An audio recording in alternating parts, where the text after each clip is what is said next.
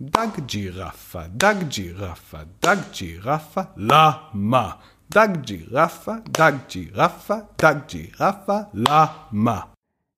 היום יש לנו פרק עם אורח מיוחד מאוד, לב לופטוס.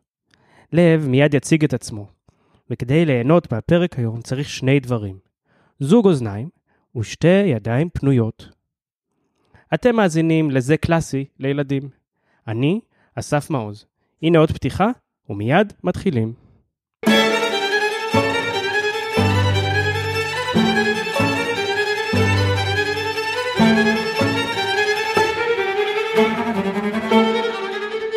אה, טוב, קוראים לי לב, אני נגן כלי הקשה. את הקריירה שלי עשיתי במוזיקה קלאסית, בעצם ניגנתי בתזמורות, אה, כלי הקשה שאנחנו מכירים מהתזמורת, טימפני ומצלתיים, הכלי האהוב עליי, ומשולש, וטוף צעידה. אה, ולאחרונה נכנסתי לעולם יותר עמוק של קצב שיותר מגיע מהמסורת של מוזיקה מדרום הודו, ונראה לי שעל זה נדבר היום. רגע, אבל למה אתה כל כך אוהב מצלתיים? למה אני כל כך אוהב מציתיים? זו שאלה מצוינת. במדאם הבטרפליי יש במערכה השנייה, אה, ברגע שם שהיא מראה לו את הילד, רגע מאוד דרמטי, התזמורת בונה ובונה ובונה מתח, ואז אתה כנגן מצלתיים קוצר את כל הפירות, נותן את המכה, ו... אבל זו מכה אלוהית, זאת אומרת, זה משהו, זה שווה, שווה לחכות. תמיד ידעת שאתה רוצה לנגן בכלי הקשה? אה, מגיל די מוקדם, זאת אומרת, אני מנגן מגיל צעיר, אה, פסנתר, ועברתי דרך חצוצרה איזה כמה חודשים, אבל אה, מגיל עשר אני כבר עם תופים, וזה היה די, נשאר מאז, לא השתנה.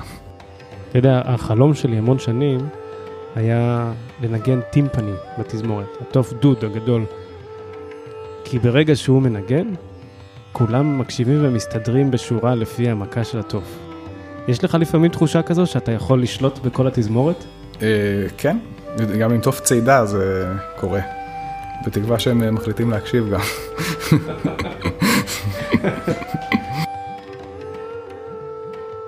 אז לב, מה נעשה היום? אולי נתחיל בכמה תרגילים, והבנתי שהבאת כמה חיות לאולפן?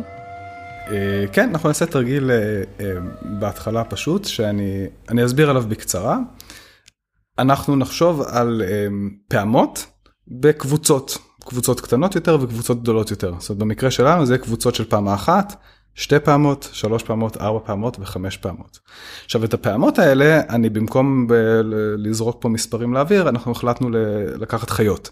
אז דג זה תהיה מילה שתבטא פעמה אחת, למה מילה של שתי פעמות, ג'ירפה שלוש פעמות, דינוזאור ארבע פעמות וחיפושית זבל חמש פעמות.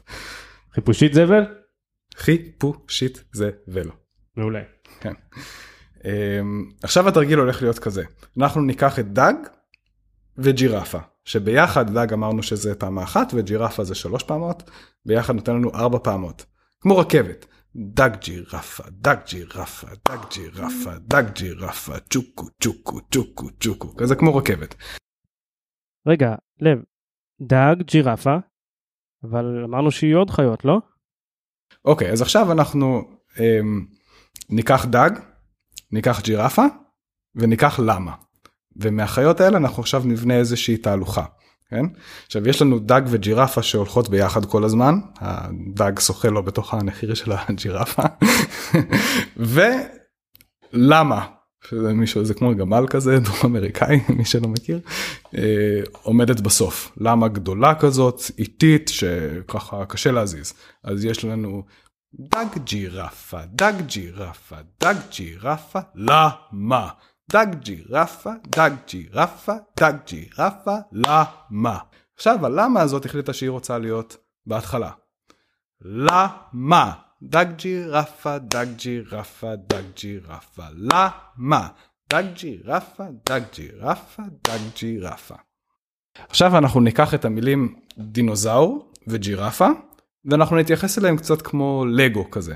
שאנחנו נגיד יהיה לנו רוב החלקים שלנו היו ג'ירפה ארבע חלקי ג'ירפה וחלק אחד של דינוזאור.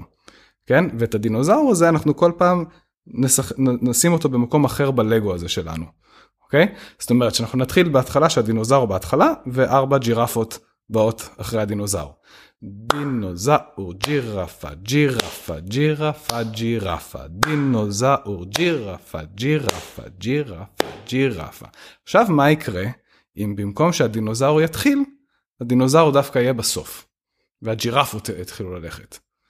ג'ירפה, ג'ירפה, ג'ירפה, ג'ירפה, דינוזאור, ג'ירפה, ג'ירפה, ג'ירפה, ג'ירפה, דינוזאור. מה יקרה אם פתאום יש לנו שני דינוזאורים? שניים יותר קטנים.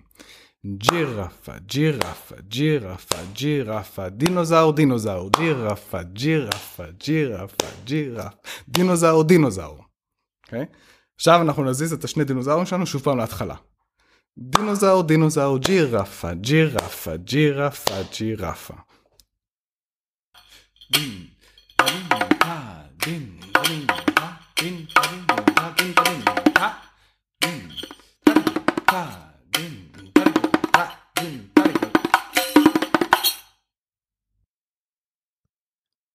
רגע, ומה עם החיפושית זבל? אוקיי, אז יש לנו חיפושית זבל רעבה. היא אוכלת כל סיבוב עוד גוש זבל וגודלת פי שתיים. זאת אומרת שבהתחלה אני אומר במהירות מסוימת, אחרי זה אני אומר פי שתיים יותר לאט ועוד יותר לאט. ואז אתם תראו איך זה נשמע. אוקיי? הפעמה שלי הולכת להיות ככה. ושתיים. חיפושית זבל. חיפושית זבל. חיפושית זבל. עכשיו מה בעצם עשינו בתרגיל הזה הרי אנחנו לא סתם נהיינו יותר לאט נהיינו יותר לאט בצורה מדודה. חיפושית זבל. פעם השנייה לכל חיפושית יש עוד חיפושית שהיא גוררת אחריה. זאת אומרת, חי איפו אושי זה ואל, כן, אה זה עוד, אני גורר איתי עוד חיפושית. בפעם השלישית אני גורר עוד חיפושית. חי איפו אושי זה ואל, וככה אני מרחיב את החיפושית, אבל כל פעם בצורה בדיוק מדודה, ואני גם מקוצר אותה. זאת אומרת, חי איפו אושי זה ואל. חי איפו אושית זה ואל. חיפושית זבל. נגמר. דין, דין. נתונתה, דין, גין נתונתה, דין, גין נתונתה, דין, גין נתונתה, דין. תדין גינגתה, דין, תדין גינגתה, דין, תדין גינגתה, דין, תדין גינגתה, דין. טריקיטטקטה, דין, טריקיטטקטה, דין, טריקיטטקטה, דין, טריקיטטקטה. בארץ לקח לב כמה שיעורים אצל מרק מושייב, אבל הוא ניסה לחפש עוד מקורות השראה ופנה אל האינטרנט. שם הוא מצא את דוקטור גאטם קרטיק, אחד האמנים המפורסמים ביותר בהודו באמנות הזו שנקראת קונקול. לב הוא כמובן נגן כלי הקשה המון שנים, וחשבת שזה יהיה ממש פשוט להשתלב מיד בסוגי המקצבים האלה, אבל זה ממש לא היה המקרה. כשפנית למורה בהודו, אז פנית אליו ואמרת לו, אני, אני מנגן בכלי הקשה כבר הרבה זמן, אני חושב ש... שאני די מוצלח וזה יהיה לי פשוט. זה היה לך פשוט? לא. קוראים לו אה, דוקטור גאטם קרטיק, שגאטם זה בעצם השם של הכד, הוא נגן כד. בדרום הודו זה מקובל לנגן על כד, והוא מורה נהדר, ולקחתי שיעור ראשון וחשבתי שאני נגן כלי הקשה כבר אה, מדופלם עם אה, קריירה וניגנתי פה ושם ובעולם הזה והזה ועם ההוא ההוא וחשבתי שאני יודע קצב. הייתי אמור לדעת קצב. לוקח שיעור והוא מתחיל איתי עם התרגילים האלה של ה... אה, כמו הדג ג'ירפה רק עם המילים של זה ואני לא הצלחתי בהתחלה. אז כמה זמן לקח לך כדי להצליח? בדרך כלל לוקח לי איזה יומיים ככה לאבד תרגיל, לאבד בעין אה, עד שזה ככה נכנס למערכת, אבל מה שמאוד יפה, שזה מתחיל שכלתני, זאת אומרת זה מתחיל בזה שיש מספרים וזה מסובך וצריך להבין אותם, אה, אבל אחרי שמתאמנים זה הופך למשהו רגשי, זאת אומרת מרגישים את זה פשוט בגוף. זאת אומרת אתה מרגיש את הקצב בגוף, כן, אתה חש אותו. אתה חייב בשביל לעשות את הפעמה ולדבר אתה חייב להרגיש את זה בגוף. בהתחלה אתה עושה מחשב, תא, די, תא, איפה שצריכה להיות הפעמה. אבל אחרי כמה זמן אתה, אתה מרגיש את זה, וזה הופך למשהו נורא נעים, נורא נעים להרגיש קצב בצורה הזאת. בגלל הקורונה, לב לא היה יכול להגשים איזה חלום קטן שלו לטוס להודו ולקחת שיעור פנים מול פנים עם גתם. מה אתה חושב שתעשו בשיעור כשתיפגשו סוף סוף? הוא תמיד ככה אוהב לתת לי משהו שמסבך אותי אז בטח הוא ייתן לי איזה משהו שלוקח לי יומיים לפענח ואז אני אוכל להמשיך לשיעור הבא. זה כתוב בתווים מה שהוא לא, מלמד? לא, מה שמאוד מאוד יפה גם במסורת הזאת שהשירה הזאת, זאת אנחנו עכשיו השתמשנו בשמות של חיות בשביל שזה יהיה קצת יותר ברור כי לא רצינו לסבך יותר ממה שזה כבר מסובך, אה, אבל אה, בעצם הם יצרו שפה, שפה של קצב והשפה הזאת היא מחליפה בשבילם תווים. זאת אומרת, הם, אין להם מסורת של כתיבת תווים, ה- הילד בא ולומד את, בעצם לומר את, ה, את היצירה. לב יושב מולי, מקיש בידיים קצב אחד, ואומר בפה מקצבים שונים ומשונים. הוא בעצם יוצר לו יקום קצבי, שבו יש שמונה פעמות. כל פעמה מקבלת הקשה באחת האצבעות או בכף היד. וכך, הוא יודע האם הוא עדיין נמצא בתוך הקצב הנכון, או שאולי הוא קצת טועה. במוזיקה המערבית אנחנו קוראים לזה משקל. כמו למשל בריקוד ואלס, בשלושה רבעים. אום צ'ק צ'ק, אום צ'ק צ'ק, אחת, שתיים, שלוש, אחת, שתיים, שלוש. אם יש לי פה אה, אה, משקל של, של, של שמונה פעמות, אה, אני לא אקרא לזה רבעים כי זה לא חייב להיות רבעים, אבל אנחנו יש לנו שמונה פעמות וזה העולם שלי עכשיו. זאת אומרת, אני בתוך מערכת שמש של שמונה פעמות ואני יש לי דרך למחוא בדיוק את הכפיים בצורה שהיא מראה לי איפה אני נמצא. זאת אומרת, אני סופר אחת, שתיים, שלוש, ארבע, חמש, שש, שבע, שמונה, חזרתי לאחד. ולפי זה אני יכול לדעת איפה אני נמצא בתוך העולם שלי. ואם אני הולך להגיע חזרה הביתה לאחד, או לא. אם אני ילד ואני רוצה להתחיל ליהנות ממקצבים כאלה, מה אני צריך לעשות? אה, קודם כל הייתי מתחיל באמת בליהנות. שזה נגיד לעשות את הרכבת שלנו. ונגיד בהודו מבטאים את הרכבת אה, עם טאקה דימי טאקה ג'ונו זה המילה שלהם לשמונה שזה יוצא לנו את הרכבת. אפשר להתחיל פשוט מליהנות מזה זה נורא כיף אני עושה את זה ככה להנאתי.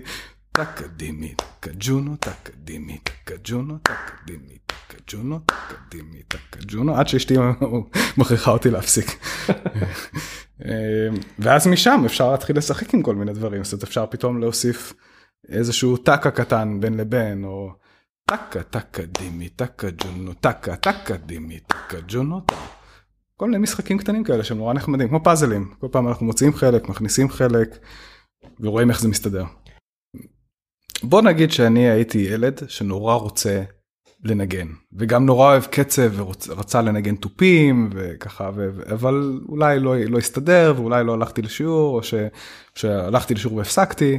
העולם הקצבי שלנו אה, זאת אומרת בעזרת השירה והמחיאות כפיים מאפשר לנו לעשות את זה בכל מקום בכל בסלון בבית ולא רק זה אנחנו גם יכולים אה, לרתום חברי משפחה או חברים לעשות ביחד ולא צריך בשביל זה שום דבר לא צריך אה, לשים פיקדון על כלי רק ללמוד וליהנות.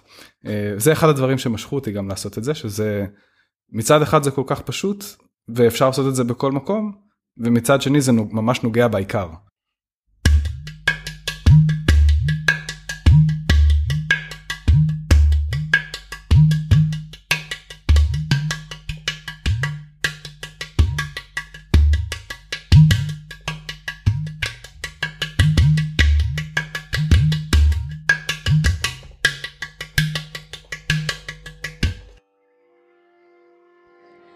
אין ספק שזה היה פרק קצת שונה היום.